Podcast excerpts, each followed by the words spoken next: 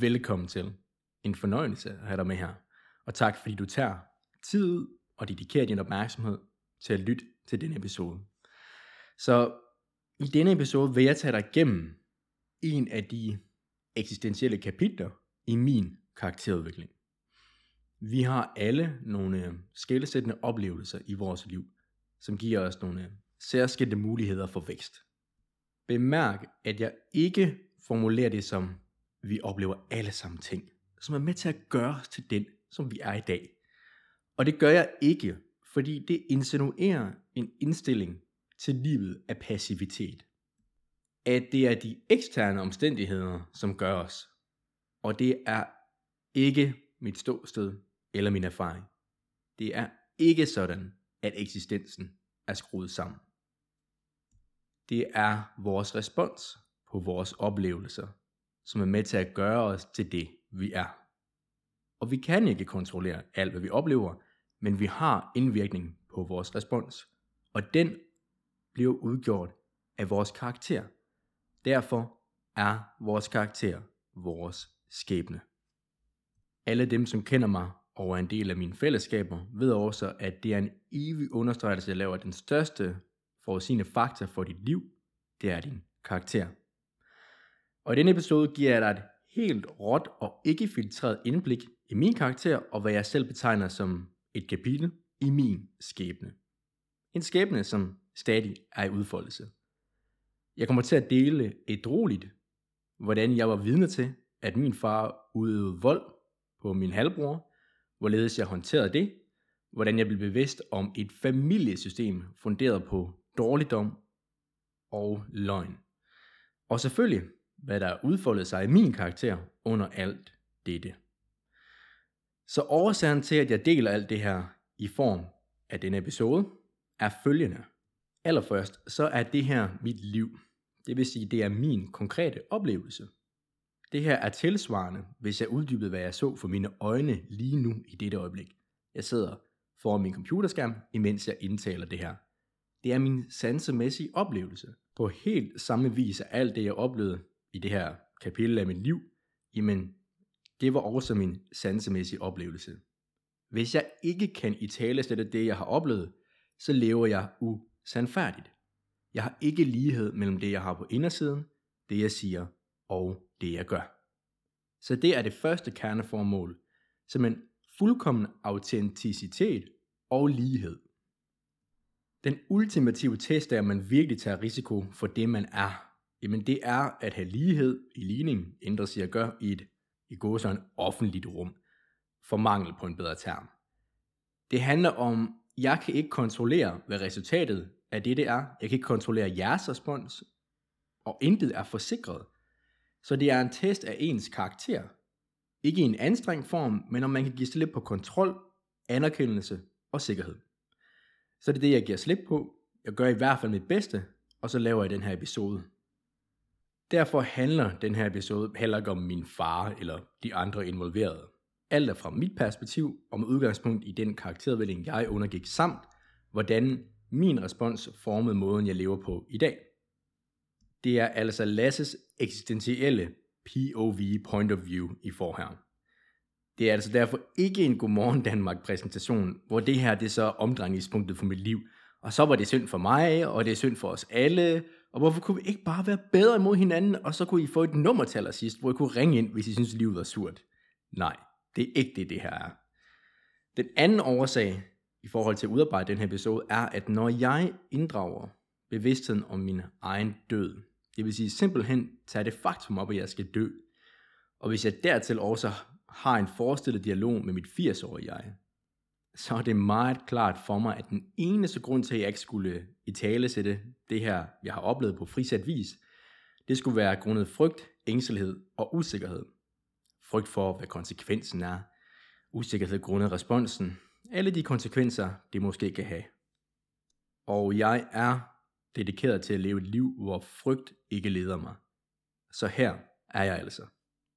Jeg agter også at dø uden nogen hemmeligheder hvor jeg har levet med fuldkommen lighed i min ligning, og dette er et skridt på vejen. Endeligt så vil jeg i ånden af mit væsen og karakter også komme ind på, hvorledes de oplevelser, jeg har haft, kan være med til at vejlede og guide dig i at leve et højkaliber liv, hvor der er en høj standard i alle livets domæner.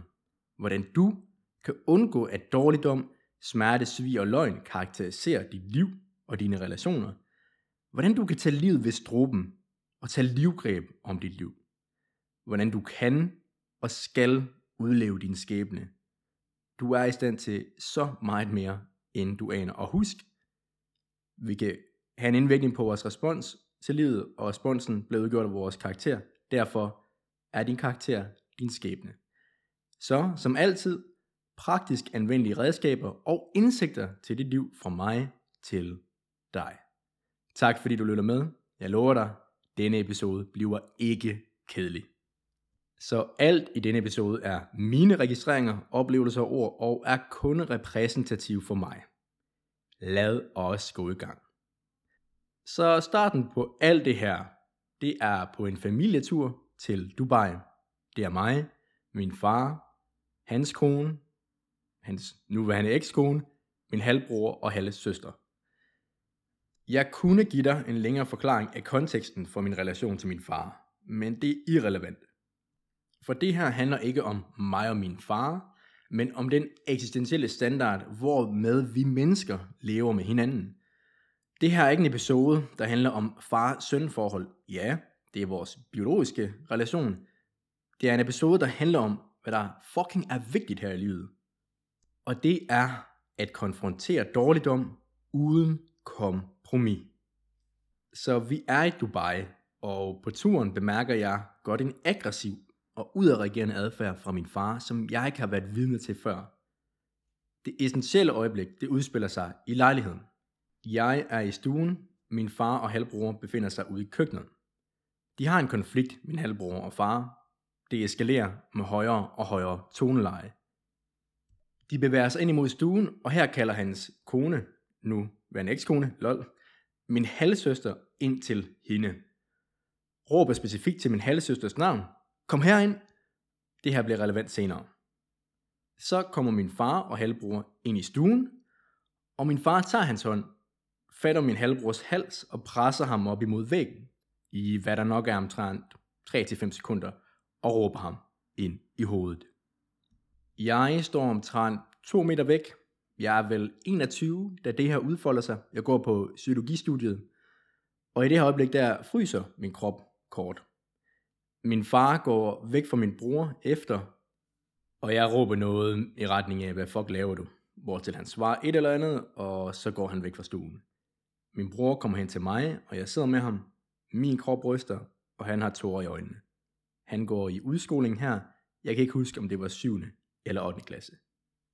Jeg får altså ikke interveneret her. Og når jeg taler om det her nu, beskriver det, så bliver det meget klart for mig, hvor passiv jeg egentlig var i den situation. At jeg simpelthen ikke gik ud og konfronterede min far efterfølgende. Så jeg vil lige lave et ophold og beløse nogle vigtige mekanismer, som udfoldede sig her. Først har du min fars ekskone, som havde en registrering af, at nu kommer der en eskalering, hvortil hun så kalder min halvsøster ind til hende. Der er altså en eller anden form for systemdynamik her. Min far og min halvbror eskalerer, så er der en tilbagetrækningsadfærd og afskærmning af min halvsøster. Så min fars halvkone, hun er med i det her, så at sige. Hvad jeg mener med det er, at hun har en passiv i agtagende rolle. Som du vil høre senere, så bekræftes disse karaktertræk, efter jeg tager handling på det, jeg har set. Så er der min respons, at jeg ikke griber ind, at jeg ikke konfronterer min far. Åh oh, mand. Alle derude, som laver dealer eller selvudvikling, vil fortælle dig, at du ikke skal bruge skyldfølelse til noget. Den er ubehagelig, og du er jo god nok, som du er. Sig det til dig selv. Ja, hvis du får skyldfølelse og skam fra en mental kodning, der kommer fra din mor eller far, som trynede dig, en ændret selvbelemring, det er ikke godt nej. Men så er der det, man kalder eksistentiel skyldfølelse, der har at gøre med ens moral og potentiale. Fuck mig. Jeg var ikke i stand til at gøre noget i det øjeblik. Jeg tænkte ikke over det sådan eksplicit som i, at jeg havde en tankebane, der kørte, på grund af det her, så må jeg gøre det her. Men der blev vækket en klar motivation imod at blive den mand, som var i stand til at ville have grebet ind i det øjeblik. Det kommer jeg mere ind på fremadrettet. Så det vigtige er her altså, at det var en konstruktiv skyldfølelse, som Rollo May han vil sige det. Det har en skabende retning, hvor at den anden form for skyldfølelse er en tilbagetrukket og passiv form. Og som du vil høre i denne episode, så blev jeg den mand, der kunne have grebet ind og var i stand til at konfrontere min far. Du får lidt et frække teaser, det kommer senere. Så det er de to vigtige mekanismer her. Min fars ekskones respons, hvilket indikerede, at der var en eller anden form for uler i mosen her. Plus den konstruktive skyldfølelse, jeg havde efter episoden. Det var ikke som sådan en følelsestilstand. Jo, følelser var en del af det, men det var en indsigt, som drev og navigerede min adfærd lang tid fremover, som dog vil få indblik i her i episoden. Yes, næste kapitel i denne hændelse er så dagene efter. Dagen efter mærkede jeg for første gang i mit liv et had, jeg aldrig nogensinde har stiftet bekendtskab med før. Du ved, normalt så er vrede noget, der har sådan en udspredning i hele kroppen, meget rå og en direkte følelse i brystet og torso. Det her, det var noget andet. Det var en intensitet i midten af brystet, en meget klar opsamling af intensitet i det område. Hvor der med vrede ofte er en masse mental aktivitet af, for eksempel, åh, hvorfor er den person så dum, og en selvretfærdiggørelse, så var der intet af det her. Der var blot en nonverbal, det vil sige ingen tanker, men en klar mentalitet af, at det var rigtigt at have min far. Så der var det her intense had, og så samtidig en indstilling af, igen uden tanker, blot i selve sindet, af at det var det rigtige. Det var ikke en hårdmodighed eller stolthed, som når man skruer op for sig selv for at kompensere for noget indre usikkerhed eller tvivl. Der var hverken opregulering eller nedregulering, som når man har mentalt snak om, hvorfor man ikke kan gøre noget for eksempel. Der var blot den her intensitet og en meget stærk rettighedsfølelse. Jeg vidste, at jeg måtte tage ansvar for det. Jeg havde på det her tidspunkt allerede trænet en del i mental praksis, da de her træninger, jeg bruger i mit system og i mine fællesskaber, filer højkaliber liv, nu til at styrke folks mentale ryggrad. Jeg begyndte med det samme at indgå i nogle mentale praksiser, som medvirker til, at sind blev mere receptiv over for medfølelse. Jeg praktiserede på den smerte og lidelse, min far oplevede i situationen, og forbandt til den fælles medmenneskelighed mellem os, at vi begge to ønskede at være glade og fri fra smerte. Så det her, det tog sig af det intense had. Og når jeg taler om det her nu, så kan jeg godt tænke over, om det egentlig var had, eller om det var en stærk opvækkelse af moralsk indignering. Det, det er en helt anden fysiologisk, emotionel og mental tilstand, men det vil jeg ikke komme ind på mere lige nu. Dagen efter, ja, den resterende del af ferien, der er der ingen, som i ingen transparent dialog omkring det, der skete. Det er helt absurd at se tilbage på nu. Og igen, når jeg ser tilbage på det her nu, bliver det også klart, hvor passiv jeg var i eftermælet. Og her er der endnu en mekanisme, som er afsindig relevant at være opmærksom på. Der sker noget intens dårligdom, vold fra far til søn, og der er ingen forvaltning af det, whatsoever. Intet, nada. Så det fortæller om måden, hvorpå man konkret håndterer og forvalter tingene i det familiesystem. Og hvis du har nogle dele i dig, som begynder på ah, sådan noget psykoanalyse, eller sådan noget dyb refleksion og tænkning, kan vi jo ikke alle sammen lave. Prøv at her. Det her har intet med det at gøre. Det er faktisk blot at åbne sine fucking øjne. At være vågen. Og det er okay, hvis du har de responser, de kommer op. Men hvis du vælger at identificere dig med dem, så luk den her podcast, gå ud i Bauhaus, køb en spade, og så grav dig selv ned bag haven. Og det her, det siger jeg, for at skære igennem. Ikke noget sniksnak her. Vi skal se tingene i øjnene.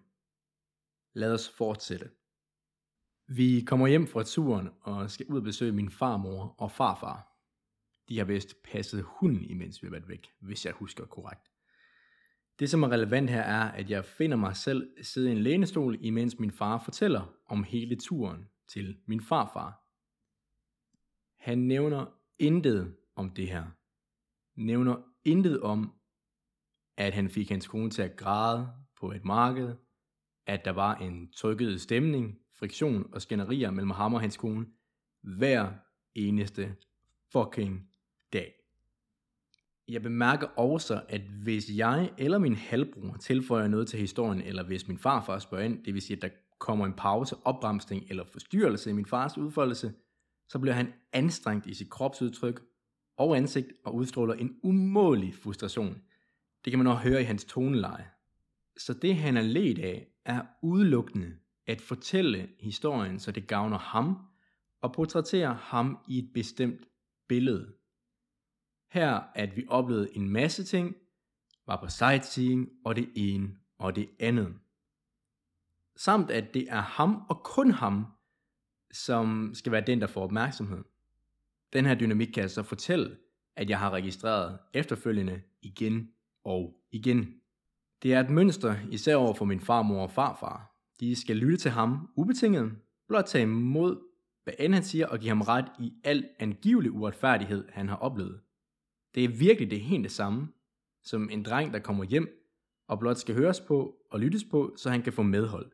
Igen, det her det er mine ord og mit perspektiv, så du gør med de her betragtninger, som du vil. Så for at opsummere, så er der et, et tilstedevær af dårligdom i familiesystemet, og to, så er der en bevidst og aktiv fordring af løgn fra min far. Det her med, at folk ikke ved bedre eller ikke er bevidste, prøver jeg halshugger den indstilling. Min far vidste udmærket godt, hvad han gjorde der.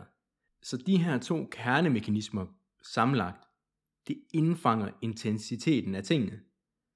Det er ikke blot, at han udlader nogle detaljer, men fortæller bevidst om det på en måde, så det ser helt anderledes ud. Når jeg fortæller om alt det her, mand, kæft, hvor var jeg passiv. Men der kommer handling.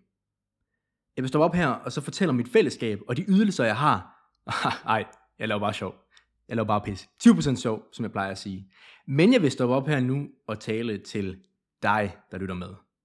For jeg ved, at du lige så har gjort dig nogle grundregistreringer angående dine relationer, familie. Ja, det fucking lige meget, hvilket system det er i.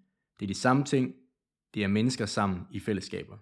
Grundregistreringer er de her ting, hvor du ikke behøver en model eller en bestemt indstilling. Man registrerer, at der er manglende sandfærdighed, at der ikke er velvilje i relationerne, at det i hvert fald ikke er ønsker om sandfærdighed og velvilje til hinanden, der driver showet. Og det jeg siger til dig her nu er, du registrerer rigtigt. Ja, du registrerer rigtigt. Og det næste er, du kan gøre noget. Det kan du. Du kan tale sandfærdigt. Blot i talesæt det, du registrerer. Og som alle andre også typisk registrerer, men ikke tager valget om at i talesætte. Alt det her kommer ned til et valg. Og lyt godt med her. Uanset hvilket valg du tager, så kommer det til at påvirke omverdenen. God eller dårlig karakter, så påvirker du verden. Det er op til dig, hvilken karakter du vil være. Hvis du tager valget om at være god, så venter der dig et episk liv. Bemærk, ikke maligt, lige til eller forudsigeligt, men episk. Og det er en af de aspekter i mit formål, at få rodet op i dårligdom. Så hvis der er noget, jeg kan gøre der, så hold ikke tilbage med at sætte mig en DM eller række ud på min mail. Jeg har været der, hvor du er. Og nu sagde jeg jo, at det her vedrører kernemekanismer i alle menneskelige fællesskaber. Men familiesystemer vil være, som en af mine mentorer siger, breeding grounds for usandfærdighed, dårligdom og manglende transparens. Så hvis du skal se efter et sted at starte, starte med at praktisere lighed i din ligning, altså det du har på indersiden, det du siger, det du gør, så er familiesystemer et oplagt sted. Som jeg kommer ind på senere, handler det ikke om, at du skal forcere nogle ændringer, kontrollere noget eller frelse nogen, men det handler om din egen integritet og sandfærdighed. Lad os fortsætte historien. Næste kapitel i min fortælling her er, at jeg tager handling lige fra starten i alt det her, har jeg haft en, øhm, eller havde jeg en klar overbevisning om, at jeg måtte gøre et eller andet. Det var ikke en intern dialog om, hvorvidt jeg skulle gøre noget. Jeg skulle gøre noget. Da jeg kom hjem, delte jeg alt det her, jeg havde oplevet med min mor, min gode ven Mathias, og faktisk også en øh, gruppe, jeg var en del af på psykologistudiet. Det skal bemærkes, at at fortælle om det og snakke med andre om det, der var intet af det her, som medvirkede til det valg, jeg tog. Jeg havde besluttet mig, det var egentlig blot en transparent deling, og ikke sådan en, hvad skal jeg gøre? Igen, der var en klar opvækning af motivation imod handling fra mig. Vel at mærke, at jeg så var passiv dagene efter og så videre. Jeg vil ikke fremstille mig selv som øh, helten her, fordi det var jeg sandelig ikke. Så jeg tog ikke et valg om efter det her, at tage en direkte konfrontation med min far. Fordi der var intet i mig, som registrerede, at jeg kunne stole på dem, altså min far og hans ekskone. Efter hvad jeg så, hvad der havde udfoldet sig, de her to kernemekanismer med, at der er en dårligdom, der bliver begået, og man så lyver omkring det. Altså endda fik det til at se godt ud. Nej, nope. Dem skulle jeg ikke begynde at indgå et samarbejde med. Så jeg tog kontakt til min halvbrors lærer og informerede ham meget nøgternt og konkret om tingene, altså specifikt, at der var tale om vold. Så det gik stærkt, og vi fik sat et møde op. Jeg tog toget til min halvbrors folkeskole og havde et møde med ham og hans lærer. Tingene blev lagt på bordet. Min halvbror blev berørt under det, og det forløb, som det skulle. På vej væk fra skolen, der ser min halvsøster mig dog. Det var ikke lige planen. Og så fortæller hun så, da hun kommer hjem, at jeg var på skolen. Ja, så kan du jo godt regne ud, hvad der skete. Så fik min fars ekskone pludselig røven op af sofaen og tog fat i min halvbror. Jeg husker tydeligt, hvor jeg var, da det her skete. Jeg var til et foredrag om engelske haver. Ja, du hørte rigtigt. Det var med min mormor, hvor det handlede om Downtown Abbey, specifikt indretning af engelske haver. Og det var ved Folkeuniversitetet, det her foredrag foregik. Jeg laver sgu ikke engang pis med dig her. Så jeg sidder til det her, det her foredrag om engelske haver. Så begynder min telefon at blive kimet ned. Min fars ekskone, der ringer og ringer, fyrer en masse beskeder af med, at det som sker her jo kan have katastrofale konsekvenser, og jeg fik op bekræftet senere hen af min halvbror, at den måde hun har responderet på de her ting, altså da hun snakkede med min halvbror, det var, at det her ville gå ud over hans konfirmation. Han skulle snart konfirmeres dengang, at de ville miste huset og alting, hvis min far røg i fængsel. Ak, ja. Så endnu en mekanisme her. Så det er de her narrativer, der bliver spyttet ud for at sikre, at sandheden ikke kommer på bordet. Og de her ting, som selvfølgelig har en værdi for min halvbror, det, det får jo sådan en strømning af nærmest afpresning. Igen, husk min introduktion. Sandhed her er ikke en ideologi eller holdning, men hvad der er helt konkret og sådan reelt råt udfoldet sig. Jeg tager ikke nogen af hendes opkald, og jeg responderer ikke. Måske jeg svarer, det kan jeg faktisk ikke helt huske. Jeg åbner i hvert fald ikke en dialog. Der går lidt tid, og så får vi stablet på benene, at jeg skal ned til min far og hans kone, og med noget tid mener jeg flere dage. Det er ikke på... Jeg, jeg, jeg beslutter ikke det her, da jeg sidder til indretningen af engelske haver foredraget. Så jeg hører faktisk ikke fra min far under hele den her tidsperiode. Intet. Min ven Mathias kører mig derned, der hvor de bor, og jeg sidder dernede på deres altan. Mig, min fars kone, nu ekskone, min far og så min halvbror. Og dengang synes jeg, at det var upassende, at min halvbror skulle være der. Men der er egentlig ikke så meget at sige om den her interaktion, faktisk. Min øh, far har et meget højt toneleje, skruer op for hans intensitet, og belemmer mig med, hvordan jeg kunne gå bag deres ryg, hvad jeg dog i verden tænkte, og var meget klar omkring, at det skulle ikke være sket. Så al opmærksomhed imod, at jeg havde gjort uret. Se tilbage, så klarede jeg det sgu egentlig ret godt. Jeg var meget rolig, og gjorde det blot klart, at jeg vil gøre det hele om igen, hvis jeg fik chancen. Jeg fik indtrykket af, at min far forsøgte med hans intensitet at true mig til at erkende min fejl. Og jeg har så registreret mange gange efter det her, at det har været hans strategi hele livet. At når folk handler på en måde, som udfordrer hans perspektiv eller følelsesliv, så skruer han op for sin intensitet og forsøger at tryne folk til at ændre adfærd. Det fungerede så blot ikke på mig. Hans ekskone græd, snakkede om, at hun lige havde fået tillid til mig, men den var brudt nu, og det vil kræve meget at genoprette det. Igen, al opmærksomhed på min angivelige forurettelse. Den mentalitet, jeg havde, inden jeg tog ned til det her møde, var oprigtigt en af at ville samarbejde, så vi kunne komme over på den anden side. En ny model familiemæssigt, hvor vi kunne hæve standarden, så at sige. Bare et eller andet, hvor vi bevægede os videre, men nødvendigvis, hvor vi kunne erkende det, som var sket. Jeg oplevede ingen receptivitet fra deres side angående det her. Som du kan høre, så var deres mentalitet, at jeg havde gjort dem uret, og det var mig, som skulle agte op for min adfærd. Jeg vil sige, at den dialog, jeg havde med dem, er number one over den mindst konstruktive dialog, jeg nogensinde har haft i mit liv. Så endnu en mekanisme her er, at der var 0% af nogen form for et, at de ville erkende deres del af ansvaret, og to, at de ville tage deres del af ansvaret. Intet. Og mit ståsted er, og det er ikke noget, jeg har fundet på, det er en lovmæssighed, jeg har afdækket, som mange andre også har afdækket, at for uden det her, for uden at man vil erkende sin del af ansvaret, og tage sin del af ansvaret, jamen så kan ingen ændring ske. Det er meget klart for mig.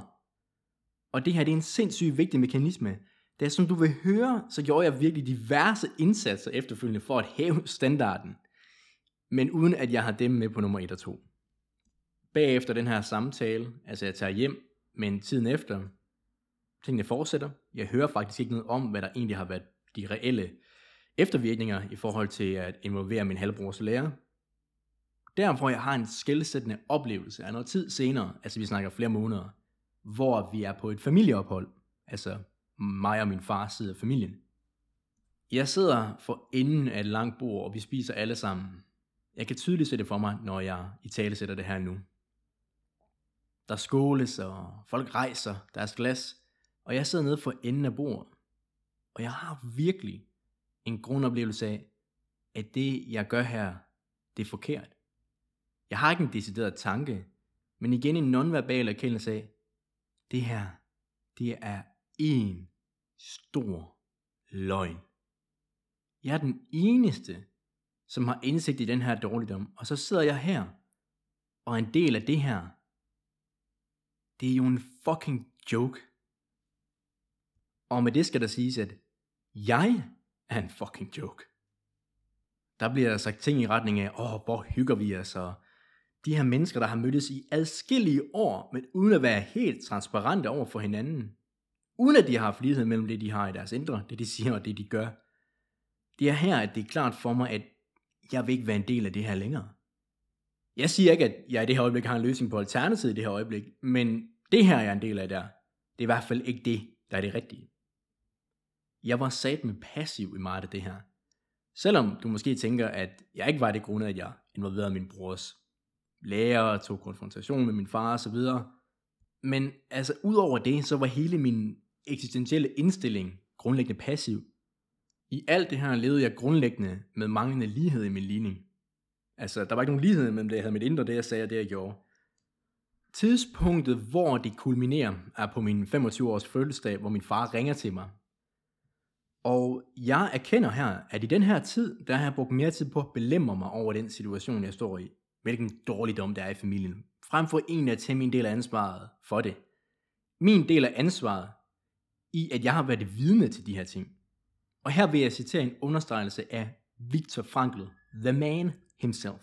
Og jeg bevarer det på engelsk, for ikke at ændre på tonelejet og ånden af det. Ultimately, a man should not ask what the meaning of his life is, but rather must recognize that it is he who is asked. In a word, each man is questioned by life, and he can only answer to life by answering for his own life. To life, he can only respond by being responsible. Jeg havde her i denne periode brugt mere tid på at få selvtilfredshed og moralsk overlegenhed ved at påpege dårligdommen i en anden mands ansvarstagen for hans liv, min fars. Så lad mig præcisere noget her. At konfrontere min far, at inddrage læreren, alle de her ting, mine handlinger i gørdomæner, de var legit. Men, men tiden efter det her, altså hvor jeg virkelig rejste mig, det var sgu mere præget af mere snakken, end egentlig at fortsætte med at tage handling. Jeg tog valget om handling i starten, hvor jeg faldt mere over i at blot snakke om det efterfølgende. Men på min 25-års fødselsdag ringer min far til mig, og jeg kan ikke sige, at det her var planlagt, for det var det virkelig ikke. Men jeg gør det klart, at jeg intet ønsker at have med ham at gøre. To be continued. Ej, joke! Vi fortsætter, så nu laver jeg et valg her. Jeg har ikke i sinde om at lave en Godmorgen Danmark fortælling, hvor vi så afslutter med, at vi skal være bedre til at tale om de svære oplevelser eller som min far sagde til mig, efter jeg gjorde det klart, at jeg intet vil have med ham at gøre, at alt er kærligheden størst.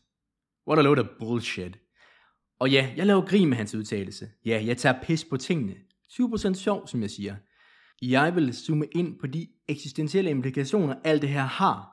Ikke for mig, dig, Anton over på Grønhøjskolen, eller Carsten Ove henne på bænken. Nej, ingen specifikke personer, men for alle personer. Ja, nogen vil måske mene, at de her ting, jeg har delt, er mere relevante for nogle end andre, men lyt med, og du vil få indblik i, hvordan det er nogle grundlæggende mekanismer, der ligger under alt imellem mennesker. Det er dem, jeg vil komme ind på her. Så efter mit valg med ikke at vil have noget med min far at gøre, da jeg er 25 år, så har vi ikke kontakt i knap sådan to år cirka. Jeg tager kontakt til ham igen, hvor jeg har en intention om at lindre alt det her dårligdom, men det fejler fuldkommen. Og her kommer vi tilbage til den her kernemekanisme, som er, jeg citerer her fra Irvin Jalom. For den person, som ikke vil erkende sin del af ansvaret, for dem er ingen ændring mulig. Tag den ind. Tag den ind.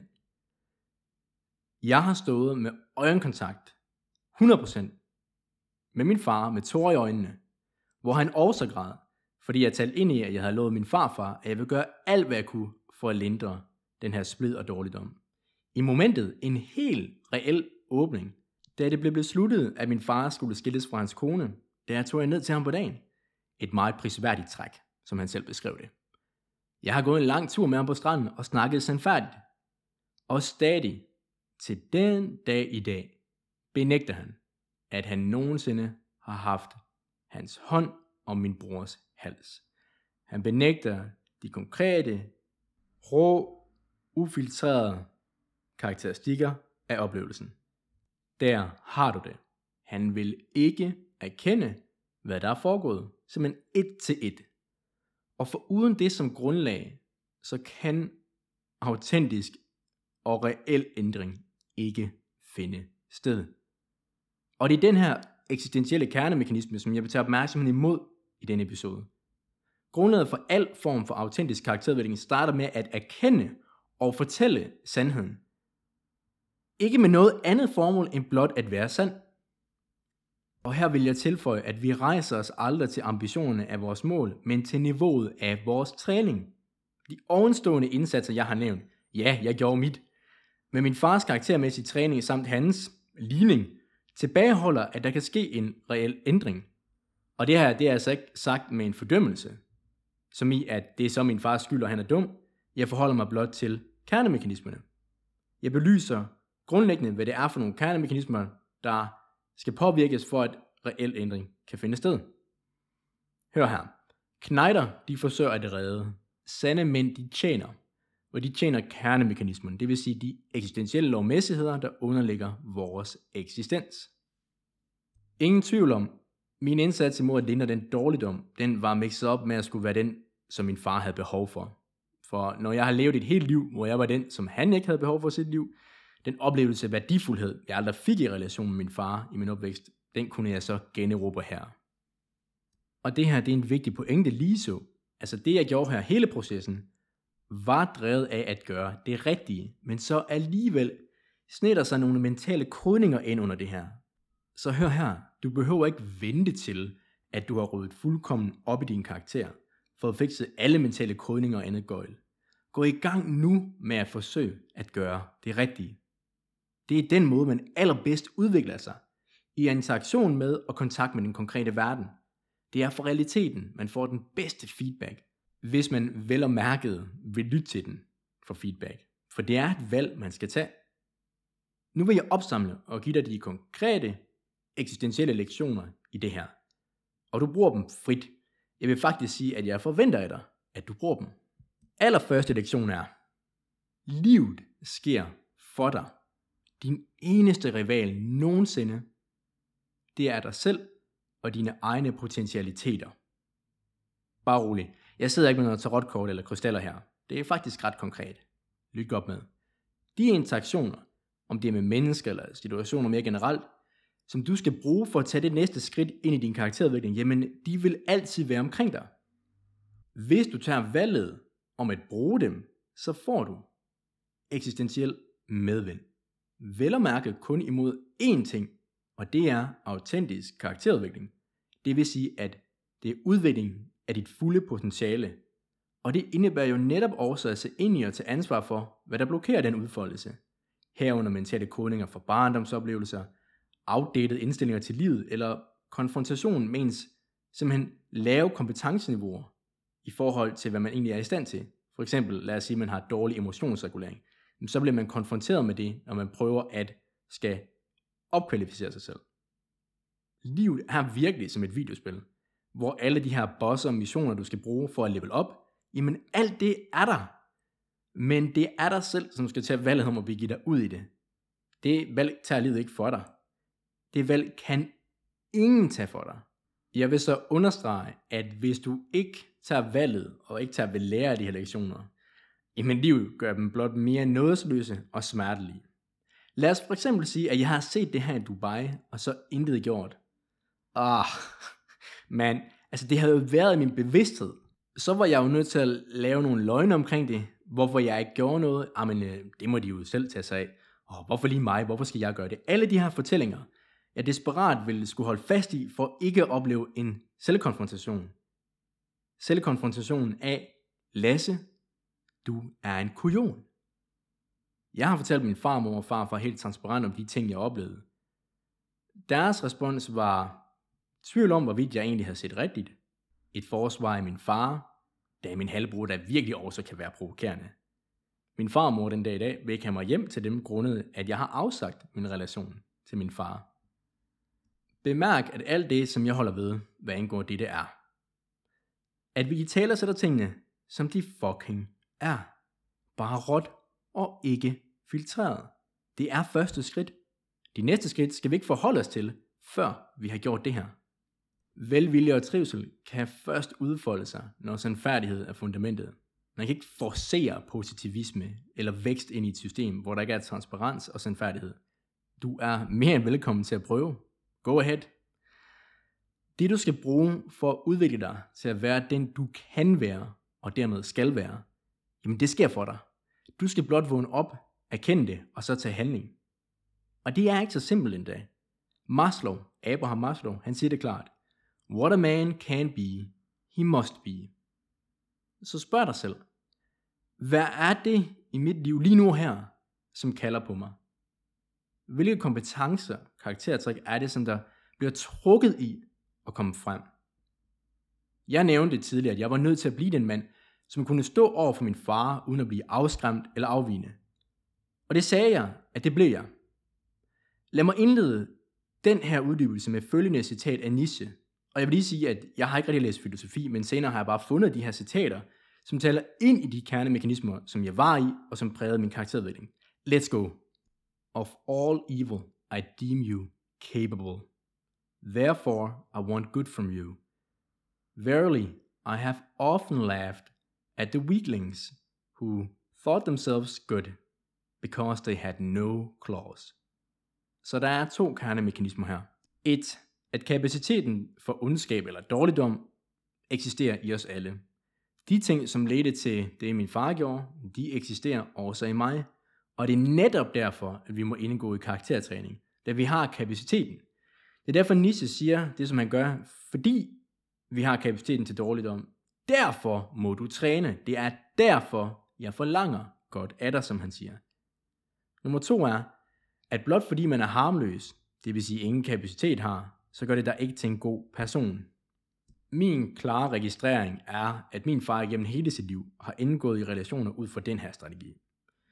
Når folk medvirker til ubehagelige følelsestilstande i ham, så forsøger han at regulere dem, så de ikke vækker de tilstande i ham.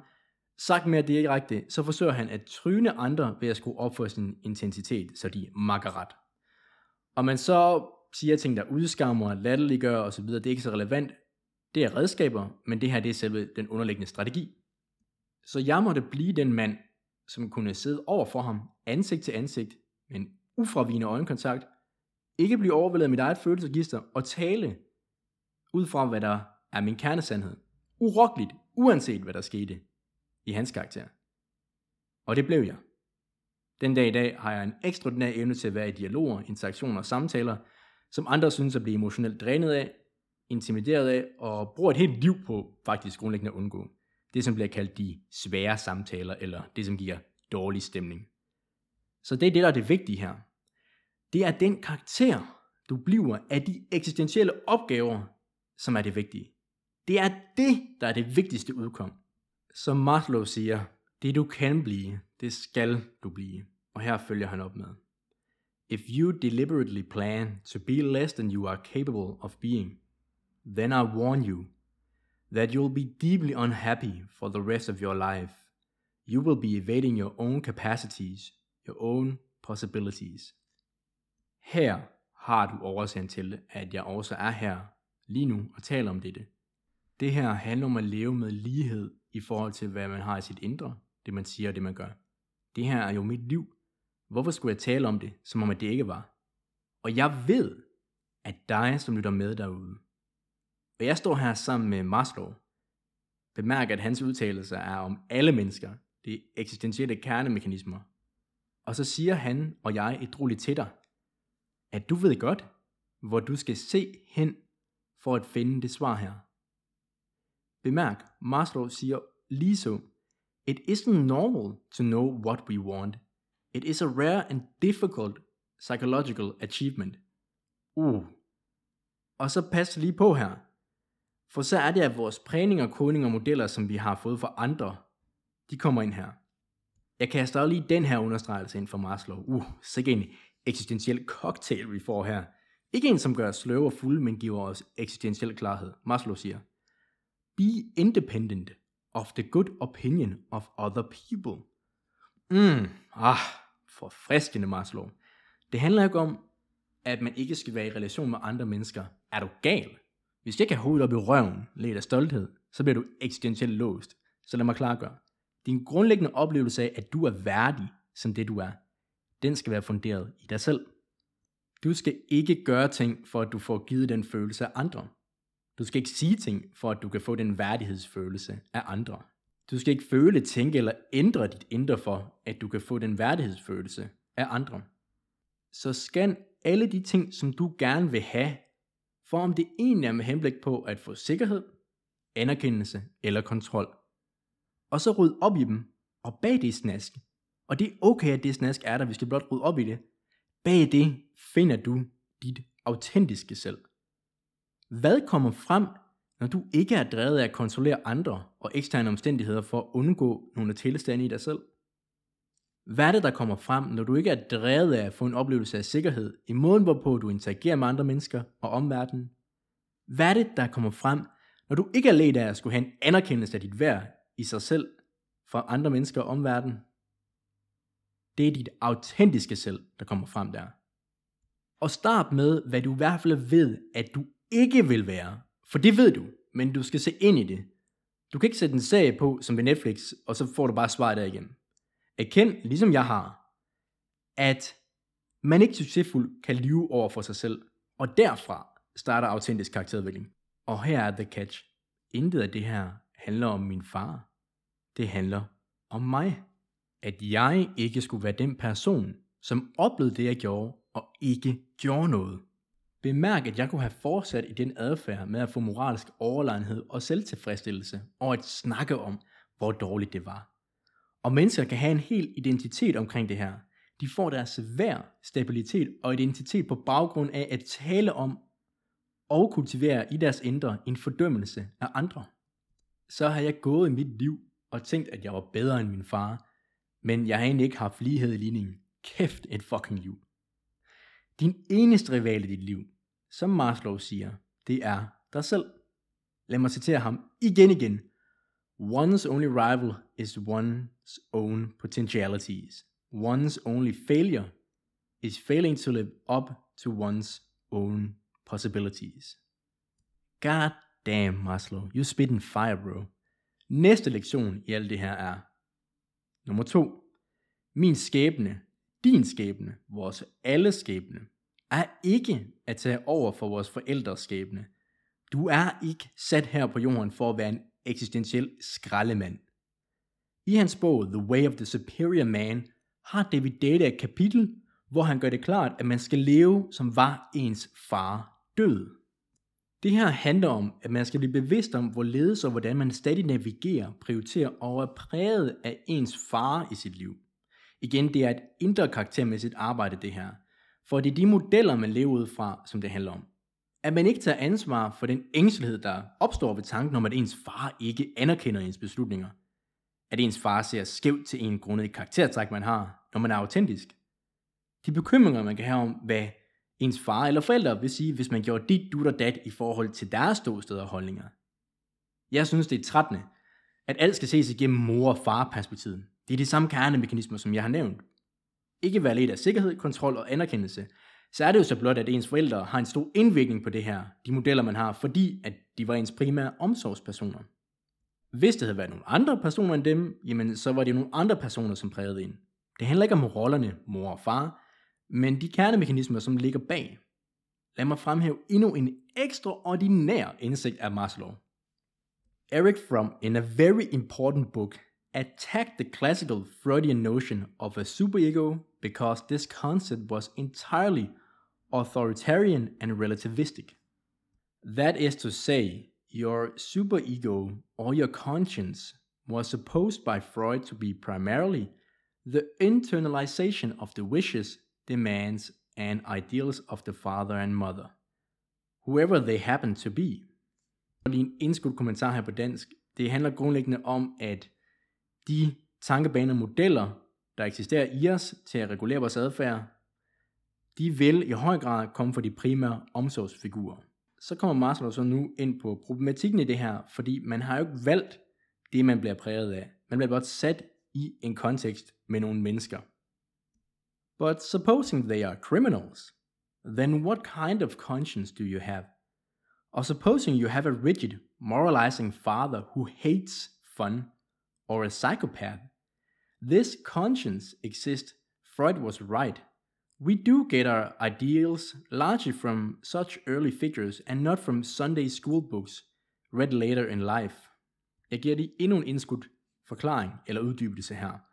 Så en vigtig pointe, Maslow har her, er, at ja ja, du kan godt læse alle mulige bøger og erhverve en masse viden, eksponere dig for nye modeller og det ene og det andet på et kognitivt plan, tankemæssigt plan, indlæringsplan.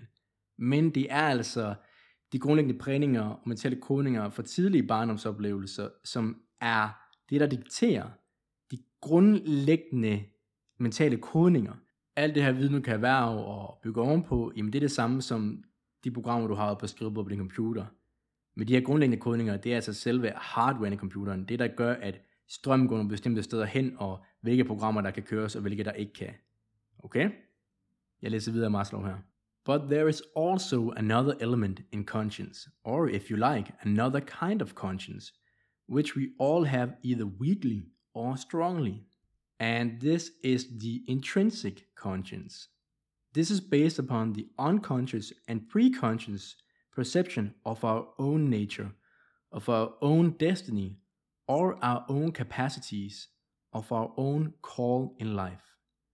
It insists that we be true to our inner nature and that we do not deny it out of weakness or for advantage or for any other reason. He who belies his talent, the born painter, who sells stockings instead, the intelligent man who lives a stupid life, the man who sees the truth and keeps his mouth shut, the coward who gives up his manliness. All these people perceive in a deep way that they have done wrong to themselves and despise themselves for it. Out of this self punishment may come only neurosis, but there may equally well come renewed courage, righteous indignation, increased self respect because of thereafter doing the right thing. In a word, growth and improvement can come through pain and conflict. Alt det, jeg har delt med jer indtil ved den her episode, det der er det vigtige i det, er netop det Maslow fremhæver her. The man who sees the truth and keeps his mouth shut. Det her, det var det, det handlede om, og stadigvæk handler om den dag i dag for mig, at jeg ikke skulle være det der.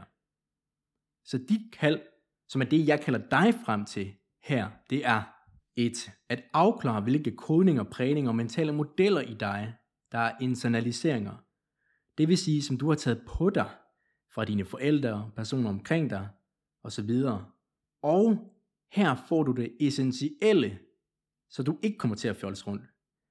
Du skal afklare, hvilke af disse, som du tog på dig for at 1. få en følelse af kontrol, så du ikke skulle tage ansvar for dit eget indre liv. 2. Få en følelse af anerkendelse, det vil sige, at du eksternaliserer, altså putter ud din grundlæggende oplevelse af at have værdi til eksterne faktorer. Om det er penge, status, andres holdning osv. 3.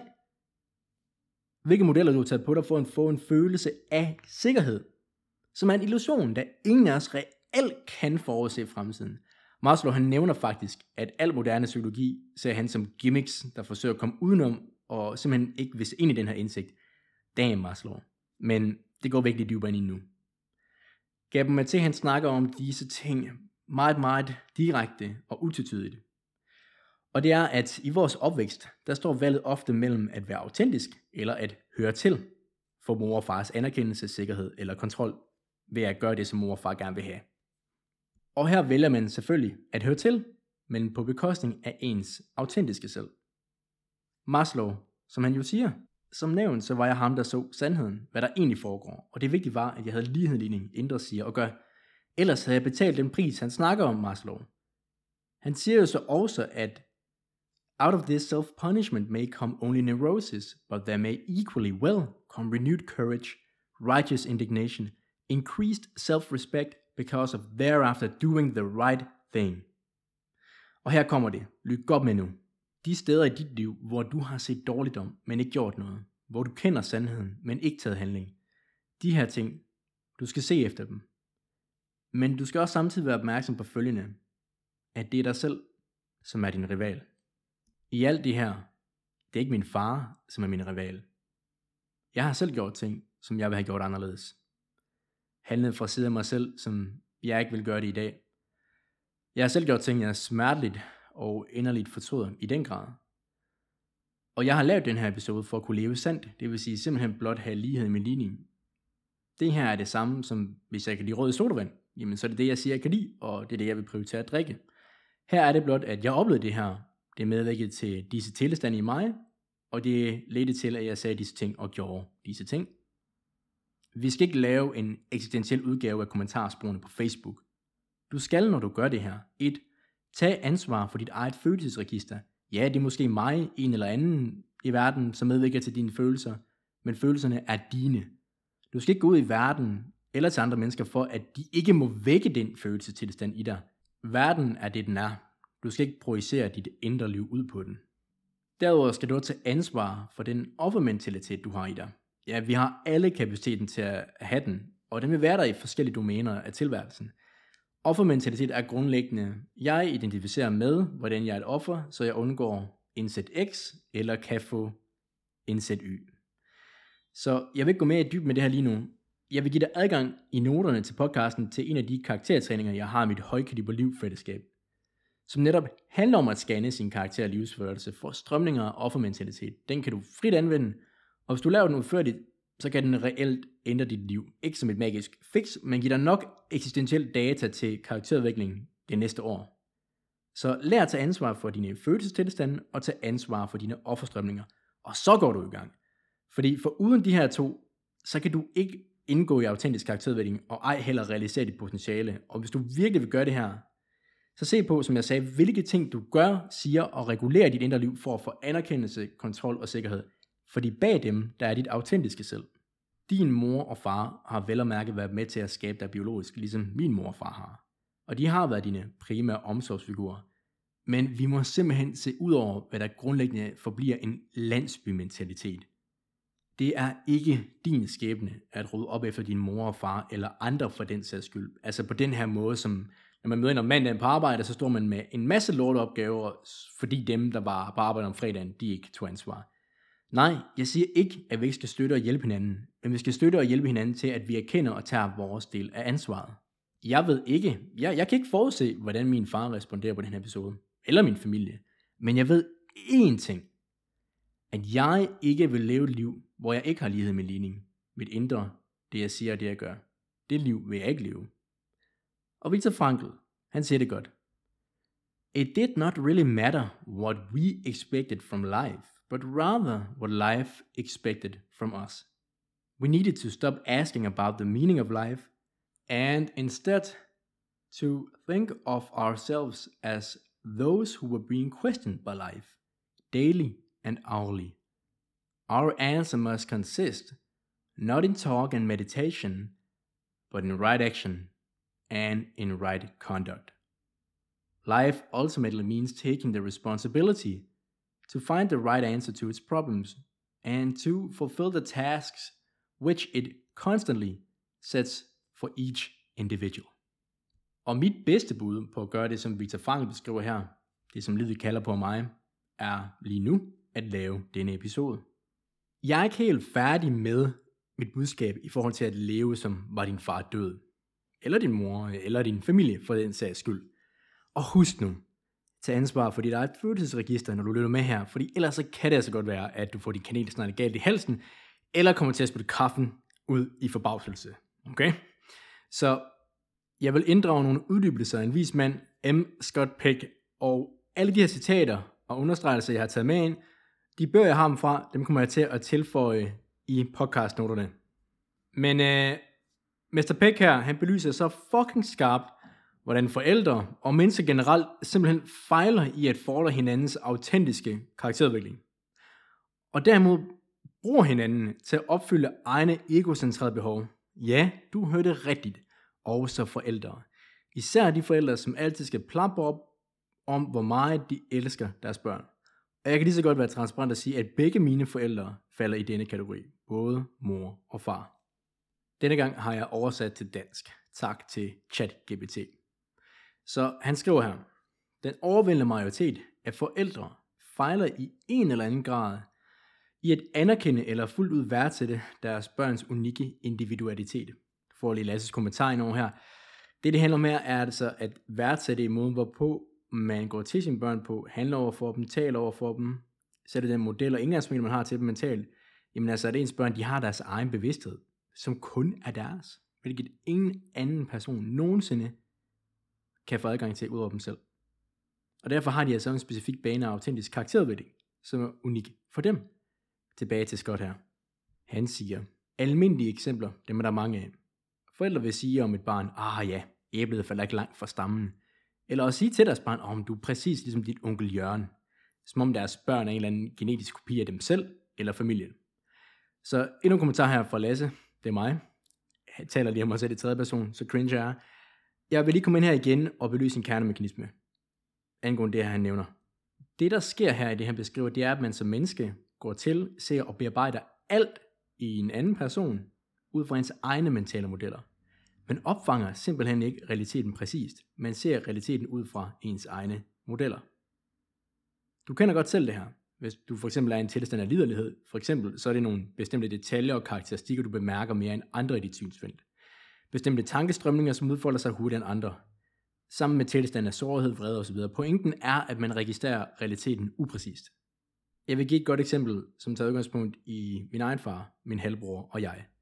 Så min far, når han har givet udtalelser omkring vores karakterer, så har det været igennem udtalelser i retning af, ja, du, du er disciplineret ligesom jeg, jeg gik også efter mine mål. At de trækvalg og handlinger, vi har udvist min bror og jeg, det er ligesom hans, så at sige. Det er så tydeligt at registrere, at han er ledt af mentale strømninger, der har at gøre med at få en selvtilfredshed over, at vi udviser de ting, som han finder prisværdige i sig selv.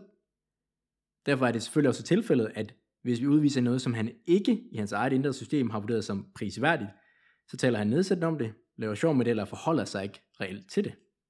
Både min halvbror og jeg er dedikeret til styrketræning. Den samme respons, vi har fået der er, ja, men kan I løbe langt? Eller kommentar om, at proteinpulver er noget unødvendigt fis, der er tilsvarende noget af den kosterstatning, som afrikanske børn får. På samme vis har jeg fået at vide, at jeg er bedre vidne, og jeg skal komme ned på jorden af min far, når jeg i tale sætter og lænder mig ind i de ting, jeg har gjort her i podcasten. Så hvis han har lyttet med, så har de strømninger formentlig også været i ham. Pointen her er, at min far er fri til at tale og gøre, som han nu gør, men det er åbenlyst, hvilke strømninger, der driver adfærden, hvilke mekanismer, der udspiller sig i hans ligning, altså indre siger gør. Jeg vil beskrive det sådan her. Så hvis han ser en adfærd, der bekræfter hans egne indre mentale modeller, så taler han det op, men ikke ud af en oprigtig uselvisk værdsættelse af den andens adfærd. For eksempel det gode, som der kommer af at være disciplineret, men fordi at det bekræfter hans egne mentale modeller, noget grundlæggende selvtilfredshed. Hvis han så ser adfærd, der ikke bekræfter eller udfordrer hans indre mentale modeller, så taler han nedladende om det, underminerer det og laver grin med det, så de indre mentale modeller ikke udfordres. Så ja, vi kan have en adfærd, der eksternt set i gøredomænet er det samme, for eksempel at prioritere nogle mål urokkeligt, men kernemekanismen bag er ikke nødvendigvis den samme. Som du har set i den her episode, så bruger min far hans taleevner til at fabrikere og vedligeholde løgnen. Lige nu bruger jeg mine taleevner til at fordre og i tale sætte sandheden. Igen, det er mit ståsted. Du behøver ikke være enig. Lad os fortsætte med skotfyren i forhold til, hvordan vi lever et sandfærdigt liv. Han uddyber nogle tydelige eksempler. Atletiske fædre presser deres bolige sønner ind i fodbold, og bolige fædre presser deres atletiske sønner ind i bøgerne, hvilket forårsager sønnerne meget unødig skyld og tumult. Han nævner et eksempel med en kone, der klager over sin 17-årige datter, som hun siger, når hun er hjemme, så sidder Sally hele tiden på sit værelse og skriver sørgelige digte. Det er mobil doktor, og hun nægter absolut at have en debutantfest. Jeg er bange for, at hun er alvorligt syg. Så efter han så har interviewet Sally, altså skotføren her, så beskriver han meget tydeligt, hvordan hun er en charmerende, livlig ung kvinde, der er på æresrollen i skolen, altså ekstra kompetent, og har masser af venner. Og det fortæller han så hendes forældre, at han mener, at hun er helt sund, velfungerende, og foreslår, at de måske bør mindske deres pres på hende for at være en kopi af dem selv, altså at hun skal opfylde deres emotionelle behov, at hun skal være med til, hun skal leve hendes liv til at bekræfte deres indre mentale modeller. Og det der så er resultatet er, at begge forældre de går til en anden psykiater, en der er villig til at erklære Sallys forskelle for afvielser. Ah, der har vi det. Forældrene i det her eksempel, de er ikke let af at ville erkende tingene, som de er, det vil sige at sige sandhed og søge sandhed frem for alt. Det, de har været let af her, det var at finde belæg for at understøtte deres egne mentale modeller, så de undgår selvkonfrontation. Eller det, jeg basically vil kalde at se tingene i øjnene. Så skotføren fortsætter her, og i tale sætter det her eksistentielle fjolseri, som forældre indgår i. Unge mennesker klager ofte over, at de bliver disciplineret og reguleret, ikke på grund af en, en ægte og oprigtig velvilje fra deres forældre, men på grund af forældrenes frygt for, at de vil give deres forældre et dårligt image. Han giver et eksempel på en, som udtaler, mine forældre er hele tiden efter mig for at klippe mit hår. De kan ikke forklare, hvorfor langt hår er dårligt for mig. De vil bare ikke have, at andre ser, at de har børn med langt hår. De giver egentlig ikke en fuck for mig. Det eneste, de virkelig går op i, er deres eget image. Og Scott, fyren her, han gør det meget klart, at sådan et ungdomsoprør på den måde, det er faktisk ofte meget berettiget. Og uddyber, at rigtig mange forældre undlader generelt faktisk at værdsætte deres børns unikke individualitet. Og det er ikke, at de skal værdsætte nogle bestemte træk, men det faktum, det eksistentielle faktum, at det er et menneske med deres særskilte unikke bevidsthed og karakter. Frem for det, så betragter de i stedet deres børn, og det synes jeg er så godt formuleret, som forlængelser af dem selv. På samme måde som deres fine tøj, og deres pænt trimmede plæner og deres polerede biler er forlængelser af dem selv, som repræsenterer deres status over for verden. Der fucking har vi det. Det her er kernemekanismen, at forældre og mennesker generelt, men nu har vi lige forældre i fokus, bruger deres børn som midler til diverse selvopfyldende behov. Så barnet skal være X, gøre Y, ikke gøre Z, fordi at så får mors og far ikke nogen udfordrende følelsestilstande op. Det her, det er at være inddraget i relationelle lænker. Du skal gøre X eller ikke gøre Y, så jeg kan få Z følelsestilstand. Lad mig give nogle eksempler. Det kunne være, jamen man har en model af, jamen Sønneke eller datter, du skal være kompetent i skolen, sådan at jeg ikke risikerer, at de andre møder i skolen tænker belemmende tanker om mig. Igen, det er morens følelsestilstand og indre liv, som hun skal tage ansvar for. Men det bliver så påduttet barnet, at det skal være på en bestemt måde, så moren ikke skal tage ansvar for sit indre liv. Barnets eksistens bliver filtreret ind i at tage ansvar for morens følelsesregister. Det kan også være en indgangsvinkel af, jamen altså, du skal se sådan her ud, søn, så jeg kan fremhæve dig for mine mandlige relationer, jeg har, og så kan jeg få status i deres fællesskab. Faren, der for eksempel har en model af, at hvis man accelererer atletisk, det er den største indikator af at være god, og hans egen værd er baseret på status i fællesskaber, så er det sønnen, som reguleres, præges og vurderes efter, om han kan levere det for hans far. Begge de eksempler, jeg har nævnt her, de er præget af et, at mor og far ikke tager ejerskab for deres eget indre liv, 2. at mor og far er præget af underskudsmotivationer, behov for kontrol, sikkerhed og anerkendelse eksternt, og tre, at deres børn skal varetage punkt 1 og 2 for dem. Intet af det her har noget som helst at gøre med kærlighed. Og hvis relationer er præget af det her, så er det ikke kærlighed. Og jeg vil ikke engang komme ind på i denne episode, hvad kærlighed så er, men det er meget klart, og jeg vil fokusere på, hvad det i hvert fald ikke er, og det er ikke det der shit. Jeg har gang på gang snakket med mennesker, som er forældre, som plapper om, at der er noget, som ændres, når man får børn. Og når jeg så spørger, hvad det er, så kan de ikke konkretisere det. Og hvis jeg så fortsætter, altså og spørger, hvordan har det egentlig haft konkrete ændringer i deres måde at leve på, så kan de heller ikke konkretisere. Skotføren kommer igen også ind på det her. Lad mig læse højt. Der er eksemplet med moren, der kører sin søn frem og tilbage til sportsaktiviteter og hjælper ham med alt, der kan hjælpes. Fordi det er vigtigt for hende at bevare og opfylde sit eget selvbillede, som er at at være en god mor, det er en, der hjælper sine børn. Og det er det, det handler om meget mere end om at fordre en autentisk udvikling af hendes søn. Han fratages at løse sine egne problemer, at påtage sig mere ansvar og faktisk at opnå en gennemslagskraft i sit liv. Det er det, man på god gammel dansk kalder en bjørnetjeneste, så vil vi blot kalde det her en eksistentiel bjørnetjeneste. Mange forældre, eller mennesker generelt, frygter faktisk, at deres børn og nære relationer indgår i autentisk karakterudvikling, det vil sige, at de bliver frisatte, for så ændrer relationen sig. Det er ikke længere den her dynamik af, at den anden person, det vil sige børnene, skal være det, som ikke udfordrer forældrenes modeller. Nej, de skal faktisk lænde sig ind i at være sig selv. Folk føler sig rundt fordi de forveksler det her med at være emotionelt investeret med, hvad det som skotføreren kalder kærlighed. Og jeg vil så henvise til det som velvilje. Velvilje er ønsket om, at trivselen og væksten fordres for et andet menneske. Og alle de her eksempler, jeg har nævnt, med de her kernemekanismer med ikke at tage ansvar for sit følelsesregister, hvor børnene skal være noget og gøre noget for, at deres forældre ikke skal opleve ekstra y tilstand, det har intet med kærlighed eller velvilje at gøre. fyren han siger det sådan her. Og det her det er sådan en direkte oversættelse til dansk fra hans tekst. Den almindelige tendens til at forveksle kærlighed med følelsen af at være emotionelt investeret, tillader folk en hver og alle mulige former for selvbedrag. Du kan have den her alkoholiske mand, hvis kone og børn desperat har brug for hans opmærksomhed lige i øjeblikket, men han kan sidde der på en bar med tårer i øjnene. Så han er emotionelt investeret og påvirket, og fortælle bartenderen, jeg elsker virkelig min familie. Du har massevis af mennesker, der forsømmer deres børn på de groveste måder. Og de vil oftere end ikke betragte sig selv som dem, der er de mest kærlige af forældre. Og det er åbenlyst, at der er en egen interesse i den her tendens til at forveksle reel kærlighed, eller velvilje, som jeg vil sige, med den her tilstand af at være emotionelt investeret, fordi det er nemt, og det er slet ikke ubehageligt eller konfronterende at finde beviser på såkaldt kærlighed i ens følelsestilstand. De kommer jo og går, og er der jo.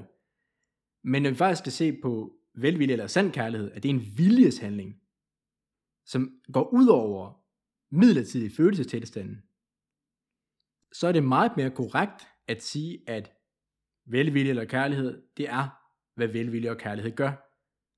Kærlighed og ikke kærlighed, ligesom godt og ondt, er objektiv og ikke rent subjektive fænomener. Og så lige en kommentar som er, at Skotfjørn her, han snakker om, at det eneste, der er reelt kærlighed, det er det, der fordrer altså spirituel udvikling, som han kalder det. Jeg vil kalde det autentisk karakterudvikling. Og det har grundlæggende at gøre med, at man støtter og faciliterer og frisætter hinanden til at få lighed i ligning, som jeg har nævnt under denne episode. Det er altid nemmere at finde evidens for ens velvilje i de ord, man siger, end i ens handlinger. Altså, det kommer ned til ens handlinger og implikationerne af de handlinger – det var derfor, når vel Ravikant siger, at det her med at være etisk i ens væremåde, men det kommer til handlinger, og det er derfor, det, det er svært, og det er udfordrende. Min far har sagt det rigtig gang, at han elsker meget min halvbror, og han vil gøre alt for os. Selvfølgelig, bortset fra at erkende et til et, hvad det var, der udfoldede sig i Dubai. Og det her det er altså ikke en fordømmelse igen. Jeg belyser, hvad jeg ser som kernemekanismerne, men vi er alle sammen lige over for ligningen, det vil sige forholdet mellem, hvad vi har i vores indre, det vi siger og det vi gør. Så lige for at opsummere pointen i alt det her, Skotfield sagde, det er altså, det at være emotionelt investeret, at der kommer bestemte følelsestilstande op, det er ikke lige med velvilje, det er ikke lige med kærlighed. Og du behøver ikke at være enig med mig i alt det, jeg siger her. Det her det er blot, hvad der kommer ud, når jeg har lighed i min mening. Men som Maslow han siger, det er altid bedre at kunne se, end at være blind, selvom det at se ofte er ubehageligt. Og hvis du gerne vil se tingene, som de er, og dermed indgå i autentisk karakterudvikling, gør det, du er god til på den bedst mulige måde, frisat fra prægninger og indre modeller, hægtet op på at finde anerkendelse, sikkerhed og kontrol, især for dine forældre, så tag de her spørgsmål op, som jeg kommer med nu. Du kan godt gøre det med din familie eller dine relationer generelt. Men jeg ved, at ved dine forældre, der finder du rigeligt af eksistentiel data og materiale at arbejde med, så min anbefaling er at starte der. Så jeg vil give dig nogle kernespørgsmål og tilføje nogle eksempler her.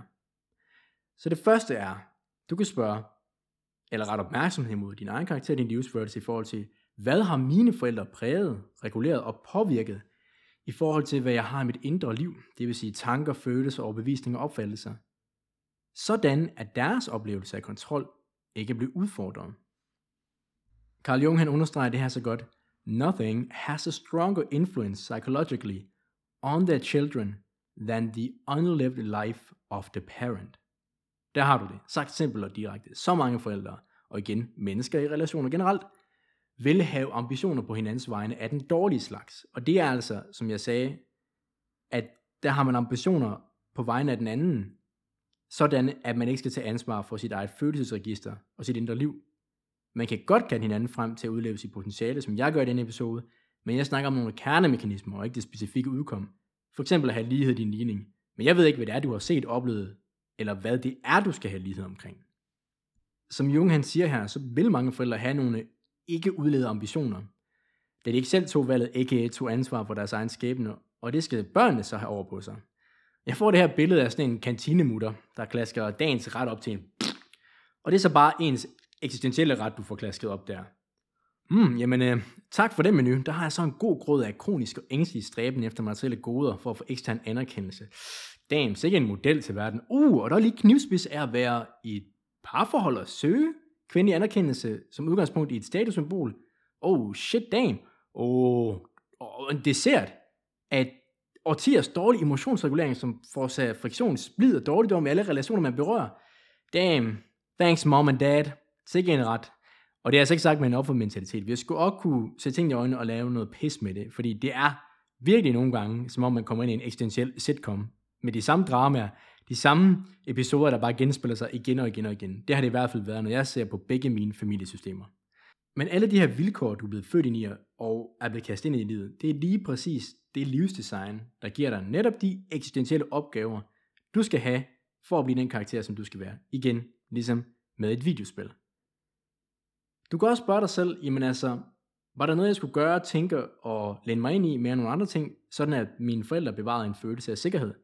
Min gode ven Mathias, for eksempel, han registrerede meget tidligt en alder omkring de 4-6 år, at hans mor løj over for hans mormor. Han var berørt, og så spurgte han sig ind til, hvor til hun svarede, jamen øh, hun behøver ikke vide alting, man har ret til privatliv. Okay, så var det den model, han fik ind i sit hoved. Det er okay at lyve, fordi at man har ret til privatliv. Og det er jo tydeligt, at det her var en model, som sikrede, at hans mor ikke skulle konfronteres med, at hun har taget valget om med forsæt at lyve over for hendes mor. Børn registrerer tydeligt de her ting, og en del af autentisk karakterudvikling er at ære disse registreringer.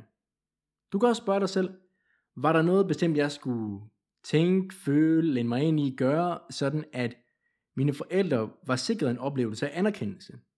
Det kan være nogle indre følelsestilstande, som blev udskældet eller udskammet, hvis man viste dem.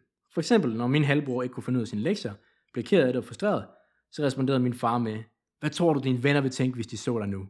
Tror du også, de sidder og græder? Så der brugte min far strategien af udskammelse i forhold til følelsestilstanden af magtesløshed, som min bror oplevede. At den skal ikke være til stede. Du kan også spørge dig selv, okay, men hvad har mine forældre præget, reguleret eller påvirket i forhold til det, jeg siger, både til mig selv og andre, sådan at deres oplevelse af sikkerhed, kontrol og anerkendelse ikke bliver udfordret. Og husk, at de her oplevelser er ens forældres egne eksistentielle opgaver, men som så bliver uddelegeret til barnet. Min ven Mathias, der var mange ting, som der foregik i hans familie, hvor han fik at vide, at det må han ikke se videre. Igen, nogle følelsestilstande i hans forældre omkring at bevare et eller andet image. Jeg husker selv, at jeg meget tidligt registrerede, at min far og hans ekskone skændtes afsindigt meget. Holy shit. Dårlig stemning og totalt forfærdelig dynamik. Alle i min fars side familie registrerede det over sig, har jeg så fået bekræftet efterfølgende. Men der var ingen standard med, at vi så havde lighed i ligning, hvad det angår. Igen, den her såkaldte sikkerhed skulle bevares. En mentalitet af, at man hellere vil have den her tilregnelige dårligdom, end egentlig at rydde op i det, og hermed tage de svære samtaler. Men prøv at det her det er under vrøvl. Vi kan heller ikke regn for svært, fordi det føles vådt. Det er sådan, eksistensen er indrettet. Det er ikke ubehagelige samtaler. Det er samtaler, som bringer de sanseindtryk, der nu kommer. Hvis det er overvældende sansemæssigt at have de her samtaler, så fortæller det noget om ens egen emotionsregulering, og ikke samtalerne. Husk, de tre kernemekanismer, du skal være opmærksom på, er den her oplevelse af sikkerhed, kontrol og anerkendelse. Simpelthen scan din egen karakter og livsførelse i forhold til dine forældre ud fra, hvad har de fordret mig til at tænke, føle, sige og gøre, sådan at de kunne opleve sikkerhed, en følelse af kontrol, eller få anerkendelse. Hvad har mine forældre fået mig til at tænke, føle, sige og gøre, sådan at de undgik at opleve usikkerhed? At de undgik at opleve kontroltab? At de ikke skulle miste oplevelsen af at få anerkendelse? Jeg har så nævnt lige indskudt et par gange, at det her gælder relationer generelt. Og det er også sandt. Lad os lige inddrage Scott Finn igen. Han giver et eksempel her. Den vanskelighed, som mennesker generelt synes at have, med egentlig fuldt ud at handle i overensstemmelse med erkendelsen af, at de er adskilt fra dem, de er tæt på. Det er ikke kun noget, der forstyrrer og påvirker relationen fra forældre til børn, men også alle former for intime forhold, herunder ægteskaber. Han nævner et eksempel, hvor han faciliterede en gruppe af partnere, altså et parforhold, hvor han hørte en af medlemmerne sige, at hans kones formål og funktion var at holde deres hus rent og ham velernæret. Og han nævner så, hvordan han var helt forfærdet over, hvor åbenlyst mandlig shamanistisk den udtalelse var. Så han tænkte egentlig, at det her kunne han måske få demonstreret, altså faktisk belyst for den person, som sagde det, at det var sådan en udtalelse, ved at inddrage de andre medlemmer i gruppen til at og ligesom dele, hvordan de opfattede formålen og funktionen af deres ægtefæller, dem de er parforhold med. Og til hans overraskelse, så gav de seks andre, både mænd og kvinder, meget lignende svar i gruppen. Alle definerede formål og funktioner af deres partner og ægtefælle med henvisning til sig selv. Der var ikke nogen, der overhovedet sig ind i, eller var afstemt til at opfatte deres egne partner måske faktisk havde en tilværelse, der var grundlæggende adskilt fra deres egen. At de faktisk havde en skæbne, der var adskilt fra deres egen konkrete parforhold lige nu her. Scott nævner så, at han simpelthen udbryder Gud bedre det. Og så understreger han simpelthen for dem, prøv at høre, det er altså ikke underligt, at I alle har problemer i jeres ægteskaber. Og I vil simpelthen fortsætte med at have problemer, indtil I indser, at I hver især har jeres egen separate skæbne at opfylde.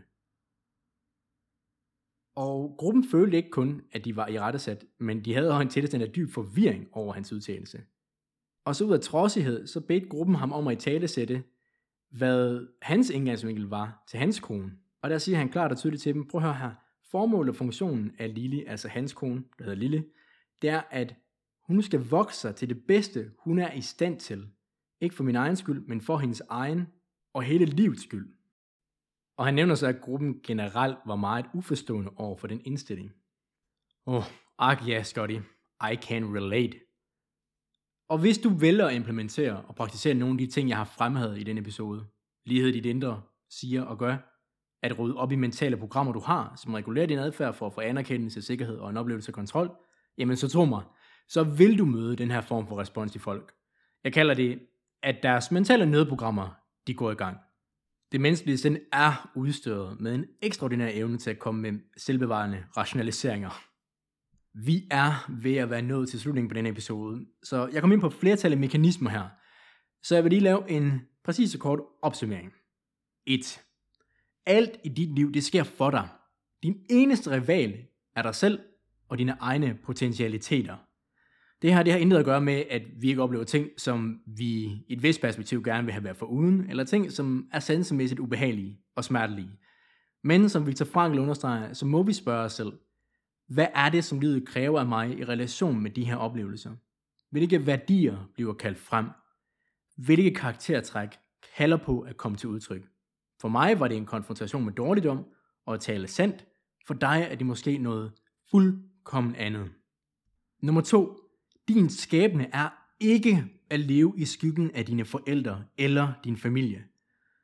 Derimod så vil du først scanne efter at rydde op i de mentale programmer, du har, prægninger og påvirkninger, du har fået, som er hægtet op på at søge anerkendelse ekstern, det vil sige, at din grundlæggende værdi findes der. at få sig kontrol i den eksterne verden, og dem, som her efter sikkerhed, alle de her kodninger, du har i forhold til dine forældre med de her ting. Få taget ansvar for dem. Og så vil du afdække dit autentiske selv, hvor det handler om at gøre tingene for sin egen skyld. Man er sand for at være sand. Man er lidt af velvilje for at være lidt af velvilje. Man tager ansvar for sine egne følelser, for at tage ansvar for sine egne følelser. Uff, så venter der dig et højkaliber liv. Nummer 3. Din skæbne går ud over landsbymentaliteten. Det her er simpelthen, at du må komme ud over mor-far-relationerne, din familie og din, dit eksistentielle lokalmiljø, så at sige. Ja, jeg beder dig om at rydde op i dine mor- og far-relationer, men det er kun fordi, at der er meget mental programmering af søgen i forhold til anerkendelse, kontrol og sikkerhed i det område. Og de vil være med dig uanset hvor du går hen, hvis du ikke rydder op i dem. Det er derfor, det er så vigtigt med det her indre karaktermæssige oprydningsarbejde. Og hvis du ikke får gjort det, så låser du dig selv eksistentielt. Og din skæbne er altså ikke afgrænset til din indvirkning og relation til mor, far, familie, nære venner osv. Du har en fucking rolle at spille i udfoldelsen af selve menneskeheden. Virkelig. Men det starter indenfra og ud. Den, som indgår i autentisk karakterudvikling, udvikler også menneskeheden. Tro mig, hvis alle placerede det som en guidende værdi, at den eneste måde at gøre tingene bedre på, det var at fokusere på at tage ansvar for sit eget indre liv, fokusere på ens ligning, det vil sige integritet, og så træne ens evne til at være ledt ud fra velvilje, det vil sige facilitere vækst og trivsel, så var menneskeheden på rette kurs, og mange problemer ville afvikles som sidekonsekvens af det her. Og det jeg vil afslutte med, er et uddrag fra selveste Arnold fucking Schwarzenegger fra hans nye bog Be Useful. Han siger her, det er ikke sværere at tænke stort, end at tænke småt. Den eneste svære del er at give dig selv tilladelse til at tænke på den måde. At tage valget. Og han siger så her, jeg giver dig ikke bare tilladelse, jeg kræver det af dig. For når du tænker på dine mål og skaber den vision, du har for dit liv, så skal du huske, at det ikke kun handler om dig.